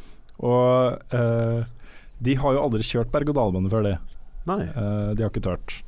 Men nå var det en sånn berg-og-dal-bane som så overkommelig ut. Den var ikke altfor stor, og det var mange barn som tok den og sånne ting. Så de ville gjerne ta den, og det var sånn utrolig morsomt. Vi sto i køen, og eh, særlig yngstemann eh, var liksom veldig gira og gleda seg og var kjempeaktiv og smilte masse og pekte 'Å, se på de' og sånt. Så setter vi oss i berg-og-dal-bane og begynner å kjøre. Jeg sitter ved siden av han. Så ser jeg ned på han, og da er han bare helt stiv av skrekk. He han sier ikke et ord, han blunker knapt, han bare sitter helt stiv, Ja, ja, livredd. ja. Og etterpå også, liksom fem minutter etterpå, så var han bare helt sånn skrekkslagen på hva det hadde faktisk vært med på. da. Så jeg kjente meg så godt igjen fra den berg-og-dal-banen. Men det er jo Det er jo sånn eh, Det er jo sånn det var. Men samtidig så er det sånn når du har kjørt det, så føles det ut som en, eh, en seier, på Ja, du har vunnet, vunnet over døden. Ja, Ja. så det er Det er derfor eh, folk kaster seg utfor fjellet i fallskjerm og wingsuits. Ja, ikke sant? og- Så det er liksom et sånn merkelig rush, Mm. på en måte. Er det. Men uh, jeg var redd en god stund før jeg turte å kjøre igjen. Altså. Det var uh, Jeg husker det godt. Ja. Yes. Ja, da passer det bra at jeg avslutter med en sånn her eh, veldig sånn sappy, teit uh, barndomshistorie. Men jeg, eh, jeg ble jo ganske tidlig interessert i jenter.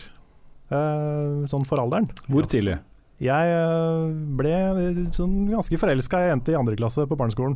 Ok, jeg begynte faktisk i første klasse. Du gjorde det? Jeg ble forelska med første jente. Wow, så du, var, eh, du ble moden enda tidligere. Jeg hadde kjæreste i barnehagen. Ok da, ja greit. Kanskje, kanskje jeg var litt sent utviklet. Da, jeg vet ikke. Carl bare 'Å, jeg er så spesiell, og Ja, er som meg'. Ja, og se så- på, mm. ja, nei, men jeg var, jeg var ganske betatt av ei jente på barneskolen. Um, og um, vi hadde jo ikke så mye til felles. Hun uh, likte hest, og jeg likte Sonic og sånn. Ja. Så det var liksom Det var Ja, lite det, det høres ut som starten på en eller annen film.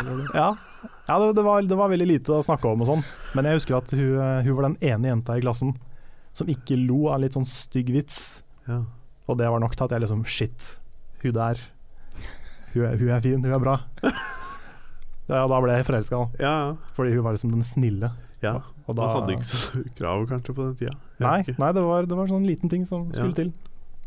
Og uh, så er det noe som heter Tønsbergmessa i Tønsberg, Ja. som er sånn rundt 17. mai. Som er sånn svært tivoli, hvor du kan vinne bamser og sånne ting. da Og uh, jeg uh, Det var en sommer, eller en vår, så ble jeg dritgod på den der klomaskina.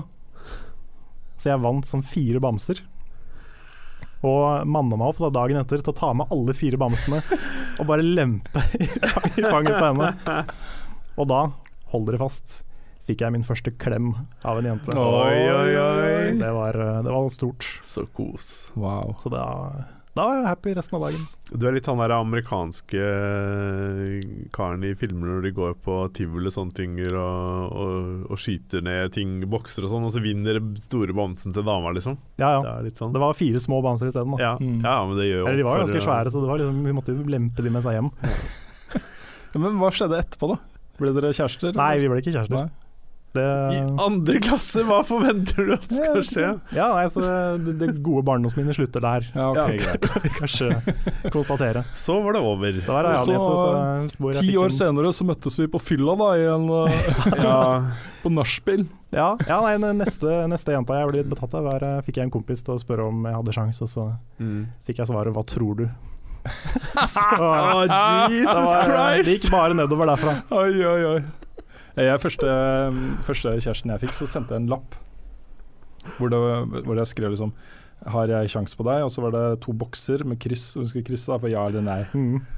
Så fikk jeg ja, da. Du fikk ja? Jeg fikk ja. Oi, Oi. Men uh, ja, det var vel i sjette klasse eller noe sånt. Eller femte-sjette klasse. Hmm. Så jeg, vet ikke helt hvordan man var kjærester da. Jeg visste i hvert fall ikke det. Nei, Så bare sånn Shit, var jeg nå? Blir jeg kjæreste? Hva, holy shit. alle filmene slutter jo der, Ja, ikke sant. man blir kjærester. Ja. Ingen som vet hva som skjer etterpå. Kan jeg legge til et lite spørsmål eh, til dette her? For det er Simen Kristoffer Frogner har eh, Da blir det siste spørsmål. Ja, okay. det er jo ikke et spillrelatert, da. Men eh, han spør hvilke barne-TV-serier er det som gir dere nostalgiske følelser? Barne-TV-serie. Mhm. Det er jo massevis. Ja. Jeg husker spesielt én som jeg elsket da jeg var liten, og det var Portveien 2. Mm, og den var sjiraffen var så skummel. Ja, du syns det? Ja, fæl. Ja. Vi så han ikke. Han var der. ja, du så han jo noen ganger? Ja, vi, Ja. vi så han. Å ja, de, ja, men de så han ikke. Nei, det var det som var så utrolig Jeg ble helt satt ut av det da jeg var liten. Er der, ja, ja, jeg, jeg satt hjemme, jeg var sikkert sånn to-tre da, og bare 'Snu dere! Han er der!' Og jeg bare klarte liksom ikke å komme over det. Å, At den sjiraffen var der, og de visste ikke at den var der. Ja. Nei, men det var liksom uh, tider, altså. De Håper ikke jeg sprengte noen headphones nå. Unnskyld. Nei, jeg tror kanskje jeg gjorde det òg, men det får vi justere i post i så fall. Men eh, nei, eh, Portveien 2 er i hvert fall noe jeg husker veldig godt. Og Bertha.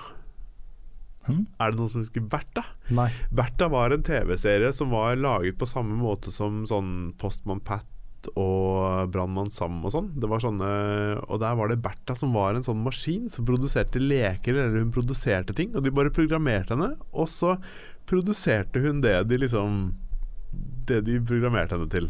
Mm. Og, og så var det sånn liten robot der som hadde sånne armer, som liksom sånn teleskoparmer som kunne strekke seg ut og få tak i ting. Og det husker jeg det var lagd i Lego i det hele tatt. Husker du ikke den? Nei, jeg tror ikke Sangen var sånn herre Bertha, kjære Jeg tror Bertha, ikke jeg har sett den. Nei. du er en Det deilig er litt maskin. gap, vet du, sånn tidsgap mellom oss. Alle tre, egentlig. Er det det? Som gjør at uh, hvis man uh, ikke var med på en sånn uh, TV-trend, så kan det at man bare Altså hvis man var for Men- gammel eller for ung. Ja, Var du ferdig med barne-TV da? Altså jeg, var, jeg er jo 43 nå. Ja, men det er fem år, da. Altså det Ja, kanskje. Jeg husker ikke helt når det var, jeg. Det kan at det Så var du egentlig liksom 18 når du så noe Nei, det tror jeg kanskje ikke du var. For det var jo Det er mulig det var slutten av 80-tallet, tidlig 90-tall, dette her. Ja, da så jeg på Um, Dynasti og Ja, sånne ting. Eller det var vel ferdig da, kanskje. Men Dallas og Dallas og Ja.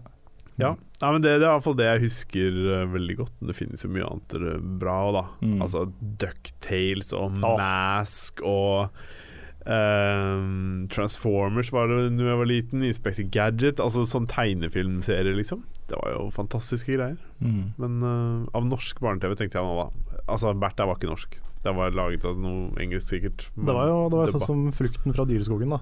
Det var jo traumatisk, for der døde jo dyra hele tida. Gud, ja, det var dramatisk. Det, Det var det var jo. Game of Thrones for ja, barne-TV. det var seriøst Game of Thrones for barn. For der, der ble, det var alltid noen som døde der. Ja, jeg husker liksom den der traumatiske scenen med de pinnsvina på veien og sånn. Det var helt forferdelig. Det var noen lange sånn dratt ut dødsscener, Mm. liksom. Ja.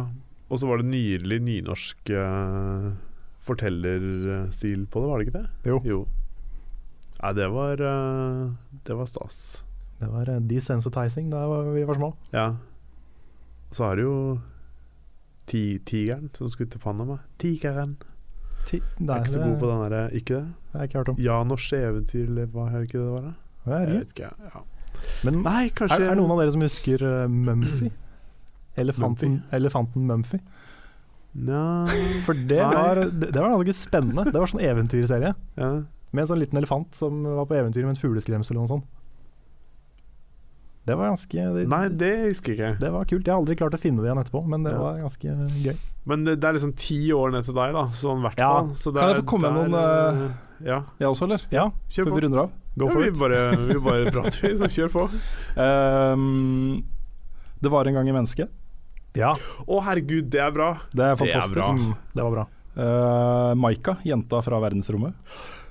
Det sett. Det er det hun heter. Mm. Er det hun som hadde sånn så hun som kunne duplisere ting og Ja, hun kunne gjøre masse tatt? ting. Å. Jesus Christ, for jeg huska at det fantes en serie som var det sånn, og jeg husker ikke hva den het. Mm. Wow. Gutten med gullbuksene. Med gullbuksene? Ja, han eh, kunne ta bare hånda ned i lomma, så var det penger. Wow. Og Pompel og Pilt. Pompel og pilt, husker Ja. jeg. Det også var litt sånn creepy. Ja, det var var veldig creepy. Det var kjempeskummelt. Ja, det var ikke Mm. Ja, nei. Nei. Jeg fikk, en, jeg, fikk, jeg fikk en ganske sånn god blanding av bra og crappy barne-TV da jeg var liten. Ja. For jeg hadde jo også sånn som Daniel Dupsko. Ja. Jeg blir nødt til å runde av, faktisk. Vi må Ja. slutte å snakke om TV. Men det var litt gøy å snakke om barne-TV. Ja, det var faktisk veldig morsomt. Ja. Ja. ja, for det var ikke så bra. Som jeg kan huske. Nei, det er jeg enig med deg. Jeg husker bare Heismann. H husker jeg var noe crap. Ja, den husker jeg òg. Håper ikke jeg offender noen når jeg sier det, men jeg husker det som ikke så veldig bra. Ja. Ok. Ja, nei, jeg kan, jeg kan runde Har, av nå. har altså. dere tømt dere? For uh, Aldri tømt meg for barne-TV, men uh, Ja, Ok, vi kan gå videre. Vi Ja, kan vi kan uh, avslutte der, Ja. eller? det, det kan vi gjøre. Da, ja, da gjenstår det vel egentlig bare å si eh, hjertelig tusen takk alle sammen for at dere er med og backer oss på Patrion, og for at dere hører på denne podcasten, ikke minst. Så ses vi igjen om ikke lenge. Var det ikke noe sitat? We woke in the hive!